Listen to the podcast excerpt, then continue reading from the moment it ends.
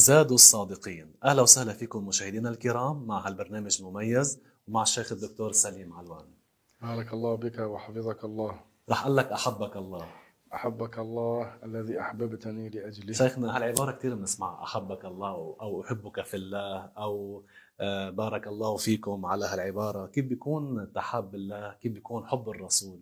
عليه الصلاة والسلام. بسم الله الرحمن الرحيم. الحمد لله ثم الحمد لله الحمد لله الذي هدانا لهذا وما كنا لنهتدي لولا أن هدانا الله. وصلى الله وسلم وبارك وشرف وكرم على سيدي وحبيبي رسول الله وآله وصحبه ومن والاه. أسأل الله التوفيق والإخلاص. أما بعد بالنسبة لأمر التحاب في الله هذه صفة المتقين. الأخلاء يومئذ بعضهم لبعض عدو إلا المتقين.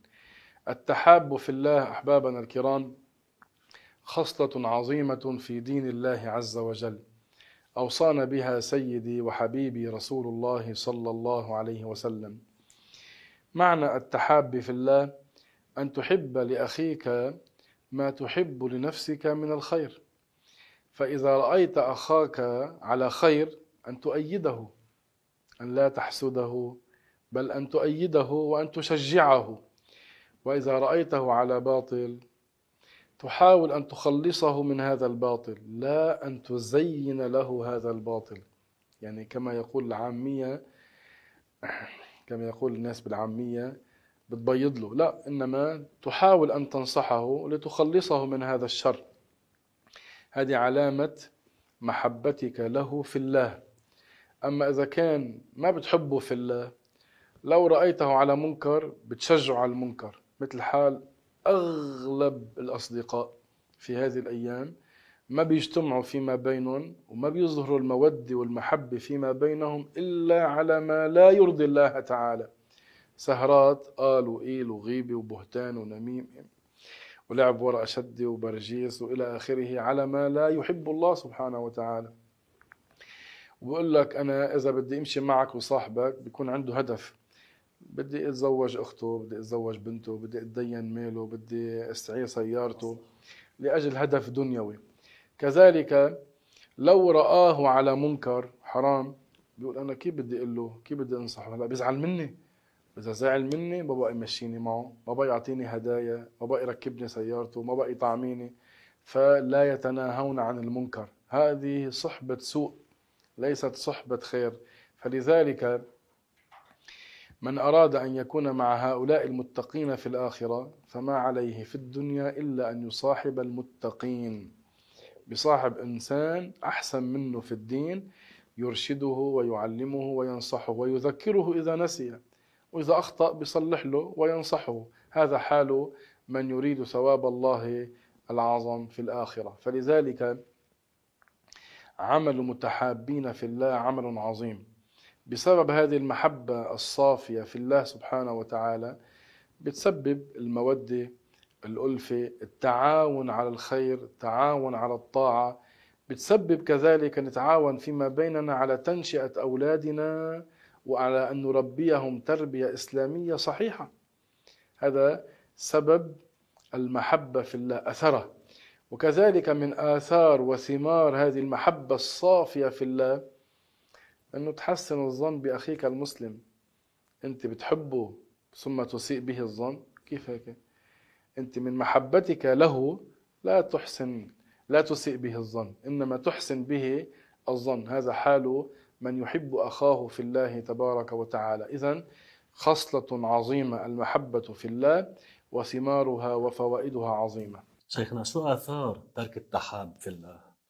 آثار ترك المحبة الصافية في الله آثار ترك التحاب في الله هو الفساد والإفساد والتخاصم والتحاسد والمشاكل العائلية وغير العائلية. إذا ثمرات هذه ترك التحاب في الله سبحانه وتعالى يعني كما نسميه نحن في العامية شيء أشياء سلبية كبيرة لا تحمد عقباها. فلذلك نهانا رسول الله صلى الله عليه وسلم عن ذلك أي عن أن نترك هذه الخصلة العظيمة.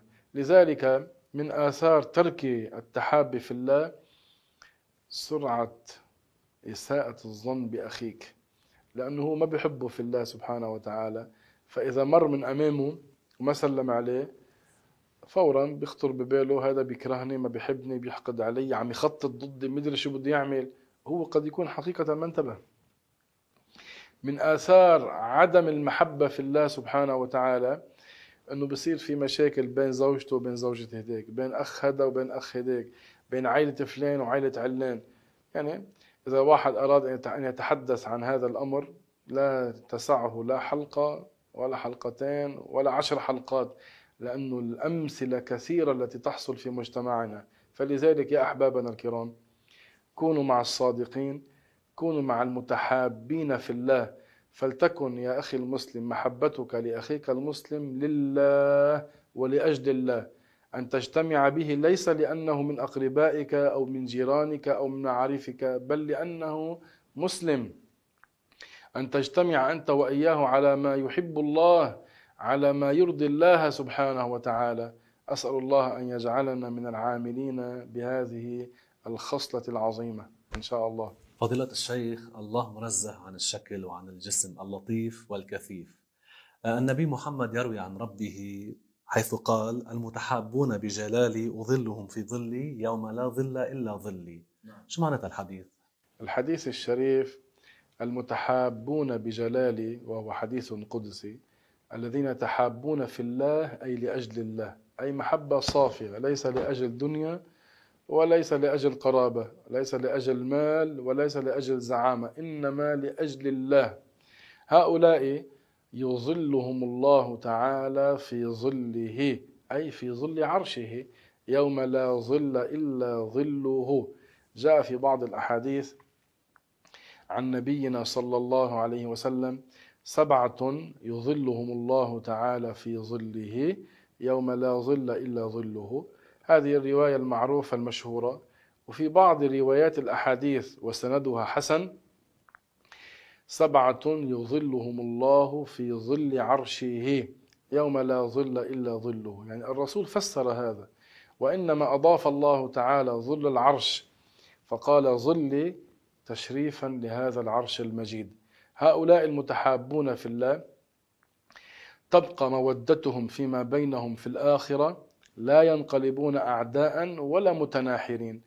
بل تبقى المودة فيما بينهم يوم القيامة. ويجعلهم الله تعالى في ظل العرش يوم لا ظل إلا ظل العرش. عفوا فضيلة الشيخ الشمس تكون قريبة من رؤوس العباد والعرش موجود والمؤمنون تحت ظل العرش. آه، مرادي أن أقول هكذا أنه يوم القيامة لا يوجد ظل لا ظل شجرة ولا ظل بيت ولا ما شابه ذلك إلا من جعله الله في ظل العرش. الله يخلق لهذا العرش ظلا.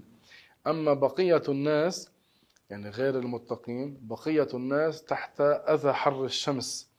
وهم على أنواع بين أهل الكبائر من المسلمين وبين أولئك المشركين الكفار. فأولئك الذين يجعلهم الله في ظل العرش منهم هؤلاء المتحابون في الله أي محبتهم لبعضهم صافية لأجل الله تعالى. بارك الله فيك فضيلة الشيخ. ومنقول بدك تعرف كيف بيكون الحب؟ تعلم علم العقيدة علم أهل السنة والجماعة. إلى اللقاء.